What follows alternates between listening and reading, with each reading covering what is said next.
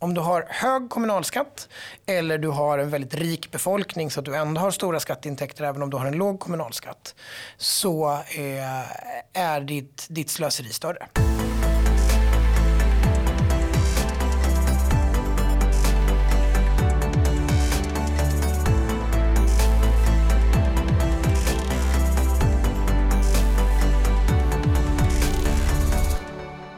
Idag, onsdag den 14 juni, startar Skattebetalarna och Slöseriombudsmannens turné Sverige slösar, där vi granskar kommunernas kostnader och kvalitet och tittar närmare på det kommunala slöseriet. Vi börjar i Uppland, där vi tittat närmare på vad medborgarna får ut av sina skattepengar i bland annat Uppsala, Tierp och Enköping. Med mig för att prata om det här har jag Skattebetalarnas chefekonom Erik Bengtsbo. Varmt välkommen tillbaka Erik. Tackar, tackar. Kul att ha dig här. Eh, idag besöker vi ju Uppsala. Vad är det vi ska göra där? Vi ska titta på vad som egentligen leder till effektivitet med skattebetalarnas pengar i det som utgör kärnan i den kommunala verksamheten. Vi har eh, satt igång ett projekt där vi tittar på och jämför just hur väl Sveriges olika 290 kommuner levererar när det gäller eh, just förskola, grundskola, gymnasieskola och äldreomsorg. Det är de, de, de största bitarna av den kommunala ekonomin eh, och som alla kommuner arbetar med mer eller mindre några har ju inte egna gymnasieskolor men alla har ju ungdomar som är i gymnasieålder och går i gymnasieskola. Och där det ju är så att Sveriges kommuner levererar ju väldigt olika kvalitet eh, inom både skola och äldreomsorg. Eh, och till väldigt olika kostnad. Eh, utan att, eh, att riktigt någon nödvändigtvis vet varför. Och det här är ju en, en, väldigt, väldigt stor del av de kostnader som skattebetalarna står för, att täcka de här verksamheterna. Eh, och där det ju som sagt är väldigt olika leverans i vad man får i kvalitet och kostnad. Och nu ska vi ge oss ut och titta närmare på eh, vad som faktiskt skapar god kvalitet till en rimlig penning.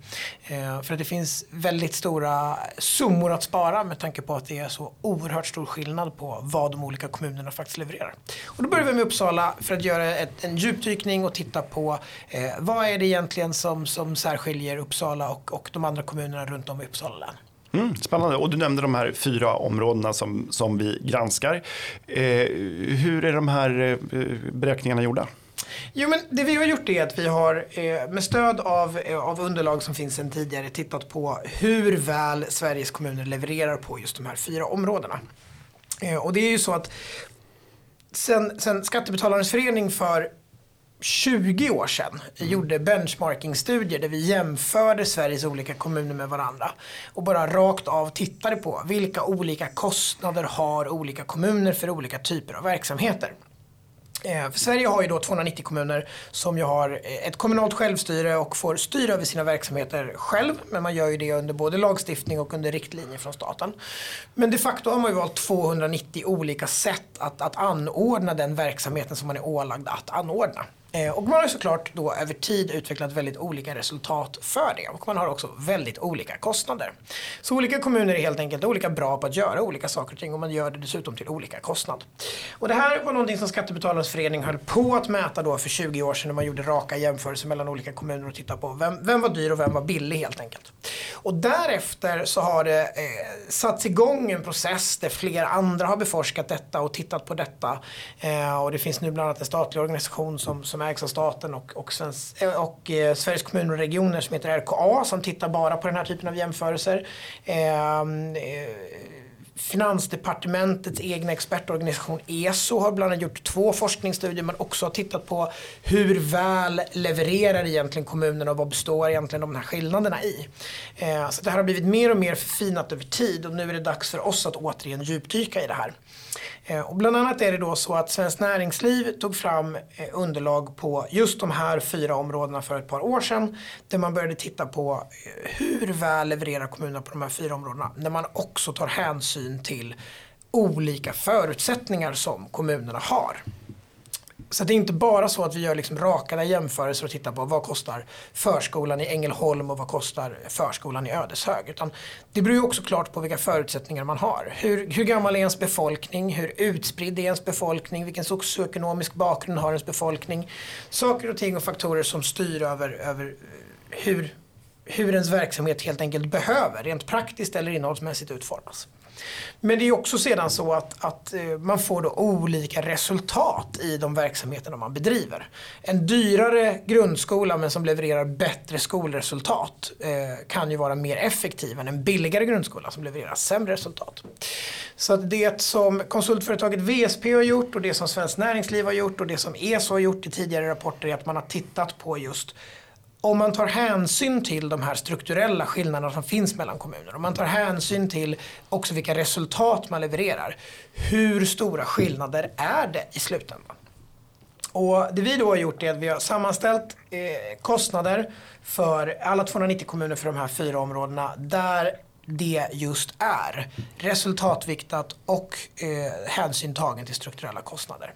Och då kan vi konstatera att på de här fyra områdena så handlar det om ungefär 30 miljarder om året i kostnader som just Sveriges kommuner har på bara de här fyra områdena. Eh, där eh, det är oförklarligt vad de, vad de kostnaderna egentligen leder till. Om man jämför lika med lika, kommuner med lika förutsättningar, eh, med lika goda resultat, så är det oförklarliga kostnader på 30 miljarder. Och det är ju pengar som skulle gå att antingen sänka skatten för och sänka kostnaderna eftersom att de uppenbarligen inte så att säga leder till mer kvalitet eller mer effekt. Eh, men det är också pengar som redan finns i systemet och som skulle kunna gå att användas till att just få bättre kvalitet och mer leverans i de verksamheter man bedriver.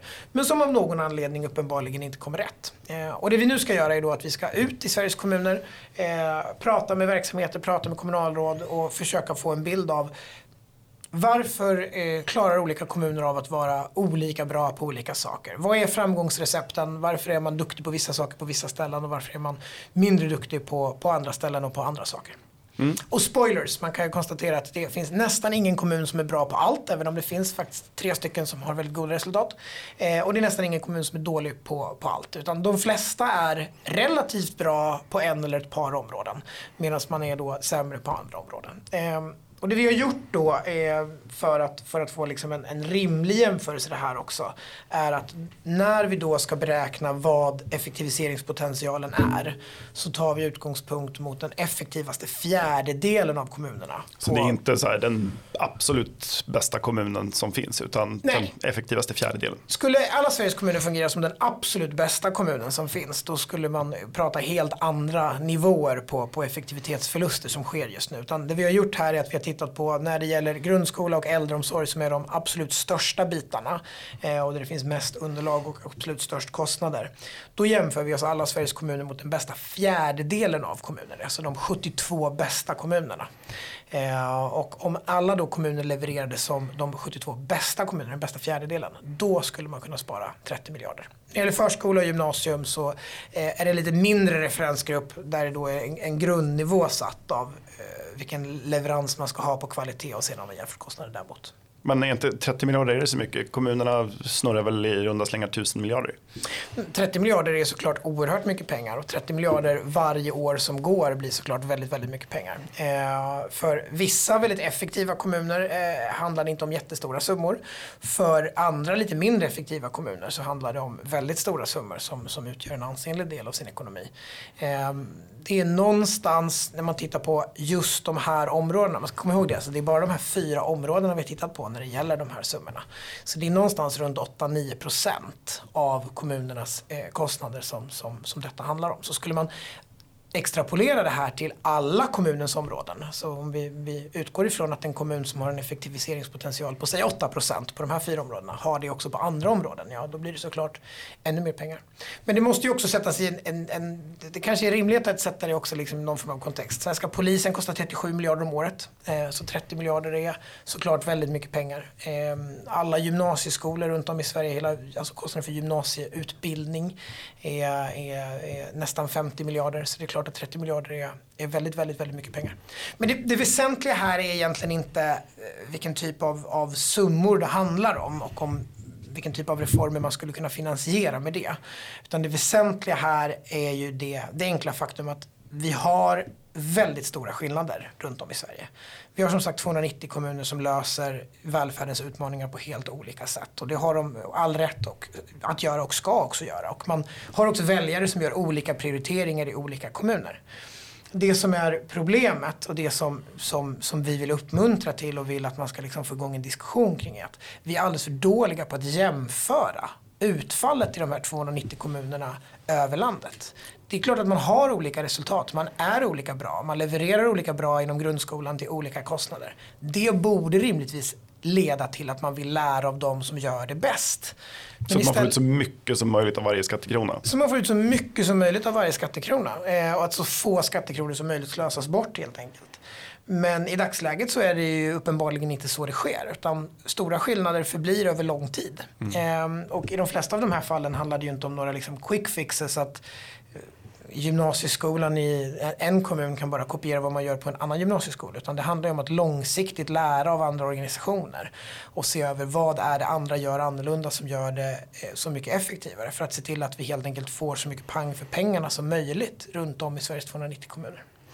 Mm. Så det handlar ju om en attityd och sätta en kultur av lärande snarare än att eh, hitta ett par hundra miljoner till, till budgeten nästa år i någon enskild kommun.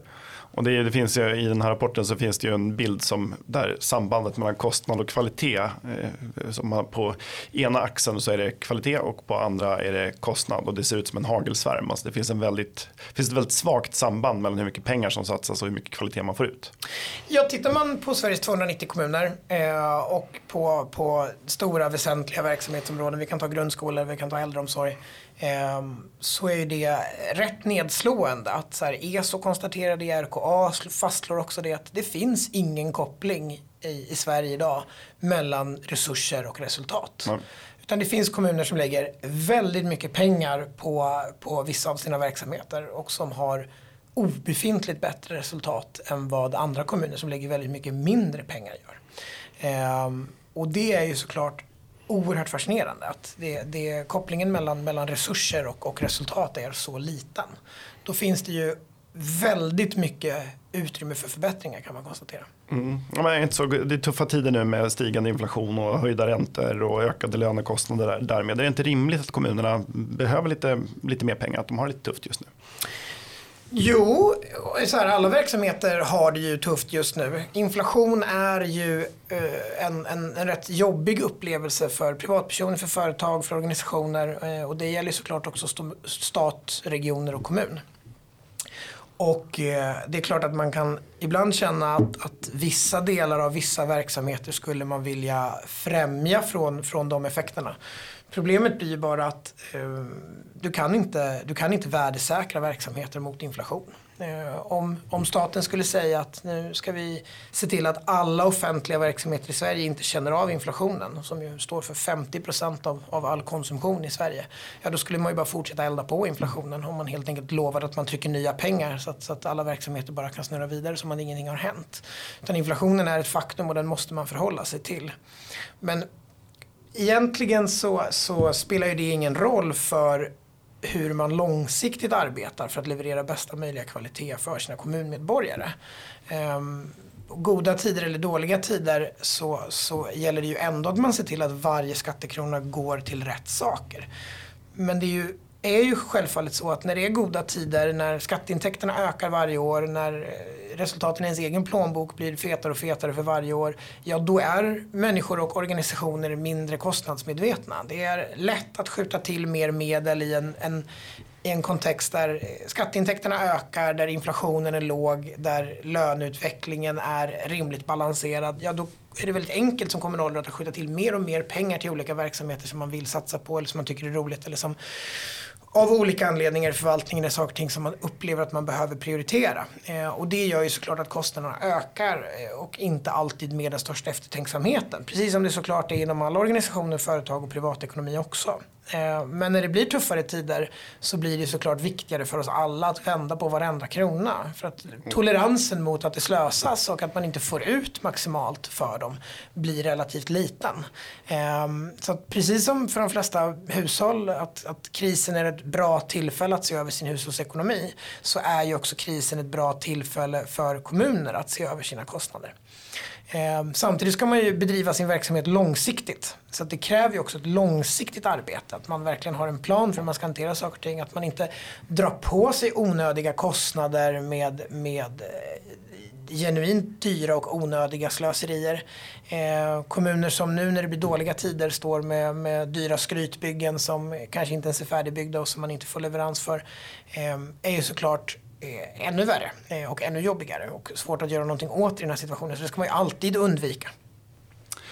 Just. Eh, och hur, nu ska vi ju ut i landet och, och prata med liksom, tjänstemän och kommunpolitiker och, och kommunmedborgare men, men, eh, och, och, ta reda på mer. Men har vi, vi har väl en aning om hur man går tillväga för att spara pengar. Hur gör man? Vad är det som utmärker de här kommunerna som, som är duktiga? Ja, men det finns ett par faktorer som är utmärkande för de kommuner som är duktiga. De, de i det här underlaget som vi arbetar med i den här rapporten så är det då siffror som är baserat från 2016 fram till 2020 och sen har vi då eh, sammanställt det för vad, vad, det skulle betyda för en, en kommunal budget i år. Eh, och de bästa kommunerna som levererar högst effektivitet för sina verksamheter när man tar hänsyn till både strukturella kostnader och man tar hänsyn till resultat i egenskap av kvalitet eh, är Solna, Täby och Ödeshögs kommuner. Eh, och de har ju såklart några saker gemensamt men det gäller ju också att man tittar lite bredare och, och, och jämför stora kommuner med stora kommuner, små kommuner med små kommuner, landsbygdskommuner med andra landsbygdskommuner. Um, och det är ju någonting som, som inte minst RKA också har gjort tidigare och tittat på vad är det som utmärker kommuner som är mer effektiva. Och i Svenskt Näringslivs rapport från eh, 2021 som är den senaste versionen av den så tittar man också på vad är det som utmärker liksom, effektiva kommuner. Eh, och det man kan se är att du har en negativ faktor när det gäller kommunal effektivitet när eh, det samkorrelerar med eh, stora skatteintäkter. Om du har hög kommunalskatt eller du har en väldigt rik befolkning så att du ändå har stora skatteintäkter även om du har en låg kommunalskatt. Så eh, är ditt, ditt slöseri större. Mm. Eh, likväl kan vi också se att om vi bara liksom segmenterar resultaten i olika eh, grupper så, så är storstäderna har ett större, en större effektiviseringspotential än mindre städer exempelvis. Ehm, så det verkar finnas en, en rätt tydlig koppling att ju, ju mer pengar du har eh, desto mer lättvindigt spenderar du dem. Och det är klart att på sätt och vis är det förståeligt att om man har problem med en verksamhet, man, man får inte de resultaten man vill eller det finns andra bekymmer eh, och man sitter på mycket pengar, då blir det också en enkel lösning att bara skjuta till mer pengar istället för att genomföra den typen av, av reformer och förändringar man faktiskt skulle behöva göra som, som påverkar verksamheten mycket, mycket djupare än att bara skjuta till ytterligare lite medel. Ehm, så att kommuner som har stora skatteintäkter och hög skatt, de verkar ha en sämre effektivitet än, än, än kommuner som, som helt enkelt är snålare, om man får uttrycka det på det sättet. Man kan också se att RKA pekar på det att, att ett, ett väldigt tydligt lokalt ledarskap är viktigt för att man ska nå goda resultat. Eh, att man har hela vägen genom organisationen, från den politiska ledningen hela vägen ner ut i verksamheten, att man har ett tydligt ledarskap och en gemensam bild av vad man ska uppnå i verksamheten. Ja, då verkar man också få bättre resultat. Eh, och det är ju någonting som på sätt och vis är ganska givet. Och när vi pratar med kommuner eh, i andra ärenden, om man diskuterar med, med kommunalråd och kommunledningar om varför man är bra i vissa verksamheter och inte så framkommer ju ofta just det. Att så här, när man ska stoltsera med att man är duktig på något visst område så motiverar man ju nästan alltid med det. Att, ja, men det här är någonting vi har prioriterat länge och vi har duktiga tjänstemän och det är duktiga chefer och det finns en politisk viljeriktning som har varit fastlagd i 10, 15, 20 år här i kommunen att vi ska ha bäst resultat i Sverige på detta och då når man också dit. Um, paradoxalt nog när det är områden man har sämre resultat i så är det sällan något kommunalråd säger att ja, men det är för att vi inte har prioriterat det området och helt enkelt inte bryr oss så mycket eller inte har så, så, så gott ledarskap på just det området. Men det är ju klart att, att så här, ju mer man arbetar med någonting ju, mer, eh, ju tydligare den politiska linjen är och ju bättre så att säga, samordnad den är genom organisationen desto bättre resultat kan man ju få. Men det som blir ett problem då är att Sveriges kommuner har ju väldigt breda ansvarsområden. Det är svårt som, som kommun att vara bra på alla de saker man ska leverera. Man ska se till att allt från avlopp till äldreomsorg och grundskola funkar. Eh, och det är klart att det är någonting som, som ställer väldigt, väldigt höga krav på en kommunledning. Både en politisk kommunledning och en förvaltningsledning. Det är stora komplexa organisationer prestationer. Det är ju det. Eh, och många kommuner borde nog fundera på om man verkligen ska göra så många saker som man gör om man ska kunna leverera dem med goda resultat. Um, och sanningen är nog att kommunernas ansvarsområden är lite för breda för att de verkligen ska klara av att leverera på det. Um, men jag, jag var ju med då för ungefär 20 år sedan när vi skattebetalarna reste runt landet. hade jag en annan tjänst på föreningen men, men var med då. Och det, precis som du säger, så när man pratade med kommunpolitiker oavsett eh, Eh, partitillhörighet så konstaterar de ju alltid på de områden var bra. Då berättar de också att de hade jobbat med det här och styrt upp verksamheten och var noggranna och följde upp och målsatte och sådär. Och de områden som, som man då hade höga kostnader och sämre kvalitet på, där berodde det alltid bara på faktorer som absolut inte gick att kontrollera. Det var, liksom, det var omöjligt att göra någonting åt det här. Eh, eh, och det där tror inte jag är sant, för det skiljer sig så mycket åt mellan kommunerna, utan man borde jobba med tydligare med ledarskapet på, på alla de här viktiga områdena. Ja, om det vore så att alla kommuner i Sverige hade dåliga resultat på en eller ett par områden. Att så här, ja, men det, det, ingen lyckas med valfritt verksamhetsområde utan det verkar som att det här är alltid kaos. Mm. Liksom.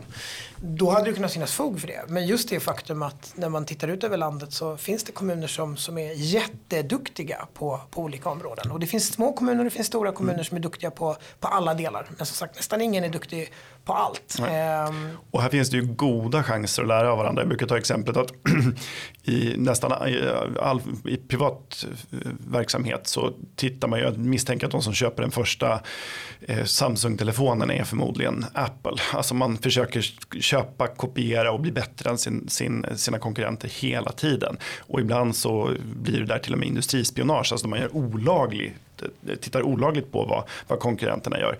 Eh, här har vi i offentlig sektor så är det ju öppet. Du kan ju, det är ju ingen kommun som skulle säga att eh, här, Stockholms kommun får inte åka till Göteborg och lära sig av hur de har lyckats på, på något område. Utan tvärtom så tror jag att alla tycker att de är välkomna och det är inte en dyr peng att, att resa tvärs över Sverige heller. Men Nej, det, det sker så lite inspiration däremellan. Verkligen och i många fall är det dessutom så att man behöver inte resa tvärs över Sverige Nej. för att lära sig av en annan kommun utan ibland räcker det med att man bara går över kommungränsen till ja. grannkommunen. Eh, för att inse att där finns det en, en jämnstor kommun som har mycket bättre resultat på de områdena där vi är dåliga eh, och där man verkligen skulle kunna lära sig av varandra.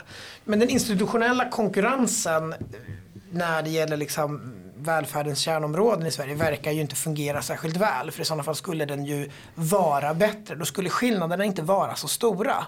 Eh, och då skulle man också veta vad som ger pang för pengarna. Då skulle vi inte se den här hagelsvärmen när man jämför resultat och plottar ut ett diagram över kostnader och resultat. Utan då skulle du se en tydlig trend att ja, men om man lägger mer pengar då får man också bättre resultat för vi vet vad vi ska lägga de pengarna på.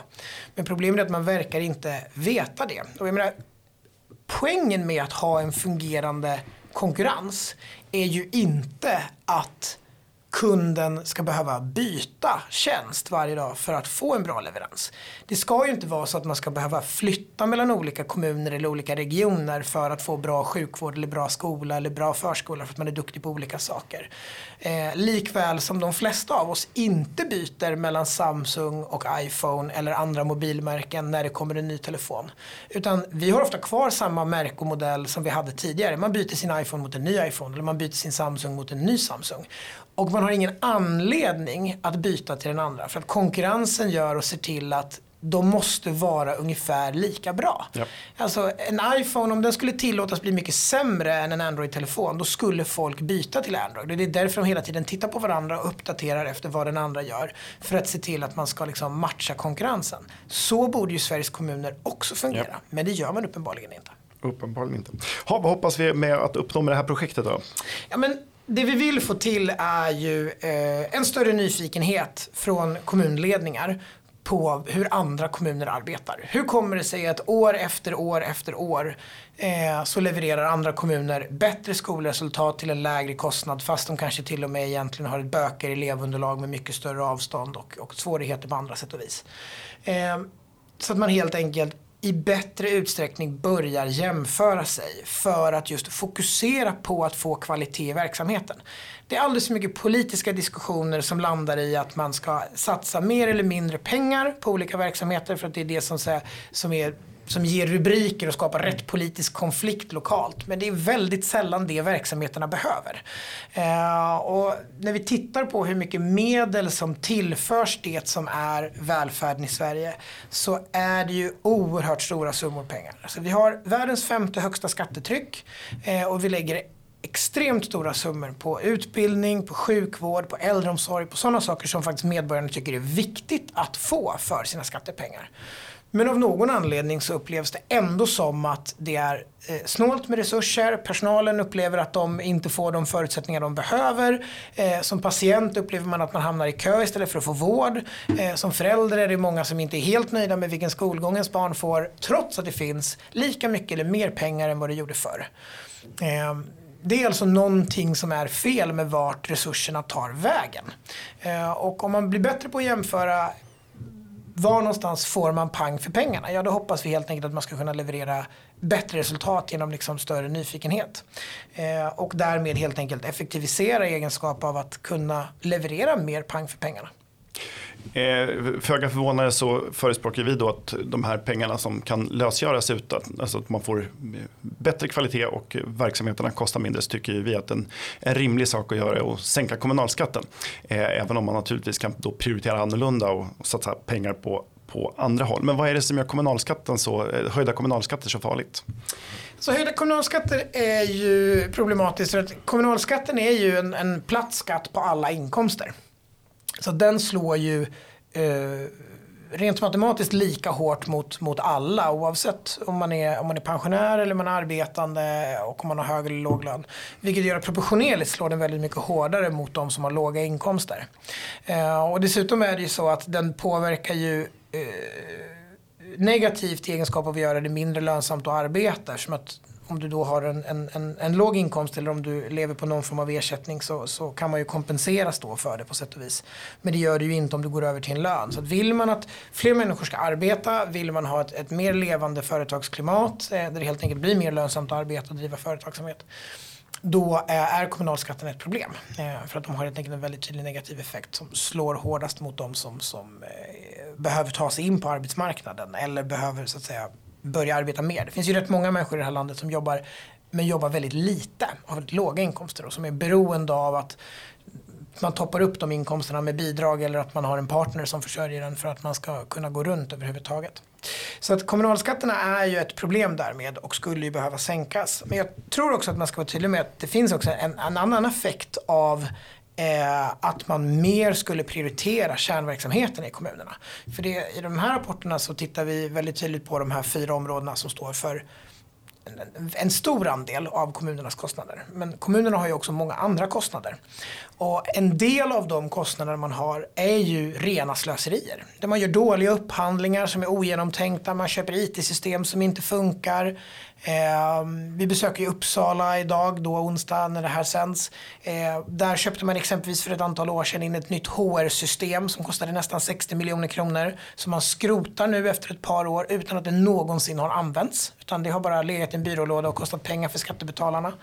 Eh, vi ser ju den här typen av, av slöserier runt om i landet hela tiden som slöseriombudsmannen är så duktig på att lyfta fram. I allting från vansinniga badhusbyggen till konst för dagmaskar och allt vad det nu någonsin kan vara. Sånt händer ju bara för att kommunerna har för mycket tid över att ägna sig åt saker som inte är kärnverksamheten. Mm. Om man la sin tid och sin energi på att fundera på hur får vi mer pang för pengarna i grundskolan så skulle man ha mindre tid att ägna sig åt den typen av klydd. Så att genom att fokusera på det som medborgarna verkligen förväntar sig att man gör så tror jag också att det finns ett stort utrymme för att man skär ner på att göra dumheter. Och då finns det ju verkligen ett stort utrymme att långsiktigt också börja sänka skatterna. Mm. Just det, för de här 30 miljarderna är ju som sagt bara på de här fyra områdena. Men vi kommer ju titta även på, på den typen av slöserier du just nämnde. Alltså dåliga upphandlingar och konstiga badanläggningar och sånt. Och därför är det också slös som är på, på den här turnén. Eh, så det ska bli kul. Eh, det ska bli spännande där. Vad ska vi granska för fler kommuner? Ja, men nu gör vi första besöket i detta, eh, åker vi till Uppsala och tittar då på Uppsala län. Ehm, och där kommer man kunna läsa på vår hemsida då vilka resultat de olika kommunerna där har. Så det kan man gå in och titta på redan nu. Eh, och vi kommer sedan att åka vidare. Planen är att vi ska göra ett antal besök då efter sommaren i höst. Eh, där vår tanke är att första besöket efter sommaren går till Helsingborg. Som är en av Sveriges effektivaste större kommuner. Så det ska bli intressant att se vad de gör som funkar och inte funkar. Eh, men också då omnejden runt om i nordvästra Skåne. Och sedan rullar vi vidare därifrån. Eh, och vi kommer ju då titta på både jämförelser i de här fyra kärnområdena och helt enkelt intervjua politiker kring hur de funkar och varför de funkar. Men vi är ju också nyfikna på vad, eh, vad som sker i kommunen i övrigt och vilket slöseri som finns som man borde ta och göra någonting åt. Så att vi tar ju också jättegärna emot tips. Så jobbar man inom någon av de här fyra områdena och tycker att det är någon kommun som är, är viktig att lyfta fram, positivt eller negativt. Eller om man bor i en kommun där man upplever att slöseriet är stort på andra områden. Eh, så får man jättegärna höra av sig till mig eller till oss så ser vi över om det finns en möjlighet att komma och titta på just den kommunen. Mm, exakt, och man kan mejla både ja, till dig eller mig eller till vår info skattebetalarna.se eller till Slöseriombudsmannen. Alla adresser finns på webben. Det ska bli spännande och roligt detta att göra en djupdykning i eh, vårt vackra land. Eh, vi har ju också ägnat oss åt eh, lite mer glamorösa saker som att resa utomlands. Vi eh, ska ju nu resa i Sverige, men vi, du och jag var i Prag häromveckan. Vad gjorde vi där? Vi var där eh, på två konferenser. Dels var vi där på konferens med eh, den globala skattebetalarorganisationen som är en samlingsorganisation för alla skattebetalarföreningar. Och som Sverige var med och startade en gång i tiden. Som Sverige mm. var med och startade en gång i tiden. Vi är ju också världens näst äldsta mm. eh, skattebetalarförening. Så att vi har ju varit med oerhört länge. Eh, och vi var också på en konferens med Atlas Foundation med globala tankesmedjor som jobbar med olika marknadsekonomiska frågor. Och där eh, var ju vi framförallt och pratade om eh, vårt projekt Waste of Nations. Eh, och det borde ju du berätta lite grann mer om. Vad är Waste of Nations Christian? Ja, vad är Waste of Nations? Ja, det här är verkligen, det är som TV4 det Vi bollar över frågan till varandra. Men Waste of Nations är ett projekt som vi sjösatte här.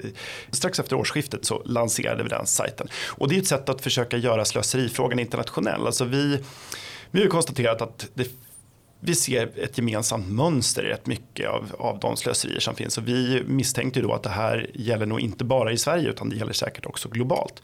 Eh, Sverige är ju ganska unika på slöseriombudsmannen. Jag vet att Norge har försökt lite med en slöseriombudsman också. Men, men vi, vi är nog nu ensamma i världen om att ha det. Eh, men vi tycker att fler borde inspireras av det här. Det finns andra länder, till exempel Tyskland tar fram en eh, Schwarzebuch, alltså en svart bok med exempel på slöserier eh, varje år där skattebetalarnas pengar går om intet. Och den kanadensiska föreningen är också duktiga på att peka på sådana här slöserier. Eh, så vi har startat den här sajten som baseras på en rapport som är skriven av Christian Sandström som ju tidigare har skrivit eh, bland annat då den här den industripolitiska återvändsgränden. Eh, I båda dess upplagor, nu senast 2.0. Han är ju professor i nationalekonomi och han har kategoriserat slöseri i fem olika kategorier. Eh, och nu håller vi på att samla in exempel. Eh, Senaste nu kom från Georgien. Eh, vi träffade eh, en kvinna där från, från Georgien som tittade på slöseri när vi var nere i Prag. Så där har vi fått exempel. Vi har fått från Kanada som också snart kommer upp på webben och vi har exempel från Tyskland och Storbritannien också. Och vi hoppas naturligtvis på, på många, många fler. Så det är korta exempel på slöseri och de kan då taggas med de här fem, någon eller några av de här fem olika kategorierna av slöseri. Och tanken är då att vi ska väcka uppmärksamhet kring hur pengar slösas i eh, länder runt om i världen. Och namnet på den här kampanjen Waste of Nations alluderar då naturligtvis på Adam Smiths eh, klassiska verk eh, The Wealth of Nations som skrevs för 200 år sedan lite drygt. Eh, men det här heter då Waste of Nations. Men den finns på hemsidan thewasteofnations.com. Väldigt snygg, vi är väldigt glada över den hemsidan. Och det är humoristiska och ibland också deprimerande exempel på slöseri. Men du menar alltså att Sverige är alltså inte unikt med att ha slöseri över offentliga medel, även om vi är unika med att ha en slöseriombudsman? Ja, nej, det här är nog ett, ett, ett, globalt fenomen, men det är väl precis som i kommunerna, alltså, ju större offentlig sektor är, desto större är slöseriet. Eh, och tanken med det här är att, att visa både på de här små bizarra exemplen som, som är iögonfallande. Alltså, eh, eh, eh konst för mask, dagmaskar till exempel som ju många garvar åt och kanske tycker är helt bortkastat. Men också de stora slöserierna som EUs coronafond till exempel som ju kostar liksom tusentals miljarder. Så att slöseriet sker i stort och i smått men det är samma mekanismer som ligger bakom. Men vad är det för typ av mekanismer som gör att man ser den här typen av slöseri och att det ser så fascinerande nog snarlikt ut runt om i världen. Att oavsett om man kollar på, på Nordamerika eller om man kollar på forna Östeuropa eller om man kollar på Centraleuropa eller Norden som ju hade små olika exempel här så är det i runda slängar ändå samma typer av slöserier fast det är så olika politiska kulturer och klimat. Ja, ja och, och det är oavsett om det är liksom höger eller vänsterregeringar så förekommer ju regelslöseri. Eh, en del av det, ett exempel är byråkrati till exempel och den byråkratin sväller alltid. Det ser man. Eh, alla organisationer försöker behålla eller öka sin makt, sitt inflytande och sin storlek. Eh, och det här gör att även om då arbetsuppgifterna sinar så vill man liksom inte dra ner på personal eller sitt område. Då växer man verksamheten ändå. Eh, så det är en sån viktig mekanism. Eh, folk vill maximera sitt inflytande och det man gör tycker man ofta med rätta då är viktigt. Och då vill man inte skära ner även om det blir mindre att göra utan tvärtom öka sitt, sitt omfång. Eh, sen finns det också här, det som kallas political posturing, alltså, vad heter det, där man försöker skapa fototillfällen. Alltså man kastar, politiken har ingen bra lösning på ett problem. Man vill visa handlingskraft och då kastar man liksom pengar på det här. Och det ger också ett bra tillfälle att få klippa band eller synas på bild när man gör en stor satsning. Eh, det är ett annat sånt, eh, sånt exempel. Sen finns det också här, så, eh, där företag hittar sätt att, att suga ut skattepengar därför att det helt enkelt det finns pengar att tillgå, till exempel i statligt riskkapital. Och då specialiserar sig på att söka de här pengarna, även om de inte gör så särskilt stor nytta så kan det vara liksom en affärsidé i sig. Men alla de här finns eh, kategoriserade på hemsidan och det, där finns också den här rapporten som är skriven av Christian Sandström som är väldigt kortfattad och, och lättbegriplig. Och nu, nu ska vi ta det här ut i världen och se vad vi kan göra på, se hur slöseriet ser ut på, på olika håll. Det ska bli spännande att följa. Mm. Det är roligt att få en liten utblick och se vad som händer i andra länder. Mm. Men det är klart att så, här, så länge skattepengarna rullar in så är det ju alltid lätt att spendera någon annan människas pengar. Ja, man brukar ju säga att det finns liksom fyra sätt att spendera pengar. Sina egna pengar på sig själv, sina egna pengar på någon annan, någon annans pengar på sig själv och någon annans pengar på någon annan. Och så länge det inte är ens egna pengar så riskerar man att bli allt mer ovarsam med hur man, hur man hanterar de pengarna. Så det, det, är lite av ett, ja, det som brukar kallas för allmänningarnas helvete. Man är inte lika noggrann när det gäller andras grejer. Ja, det ska bli roligt eh, och som sagt gå gärna in på hemsidan och eh, tipsa oss gärna om du har exempel på slöseri i din kommun och det går naturligtvis alldeles utmärkt att skicka in förslag till även The Waste of Nations om man tycker att det är något slöseri som är ögonfallande antingen här eh, hemma i Sverige eller om man har sett något utomlands. Toppen, tack för att du kom hit idag Erik. Tack så mycket. Det är trevligt att vara här och det är ännu trevligare att vara i Uppsala och få ja. höra mer om effektivitet i kommunal ekonomi. Ja, det ska bli kul. Vi drar strax.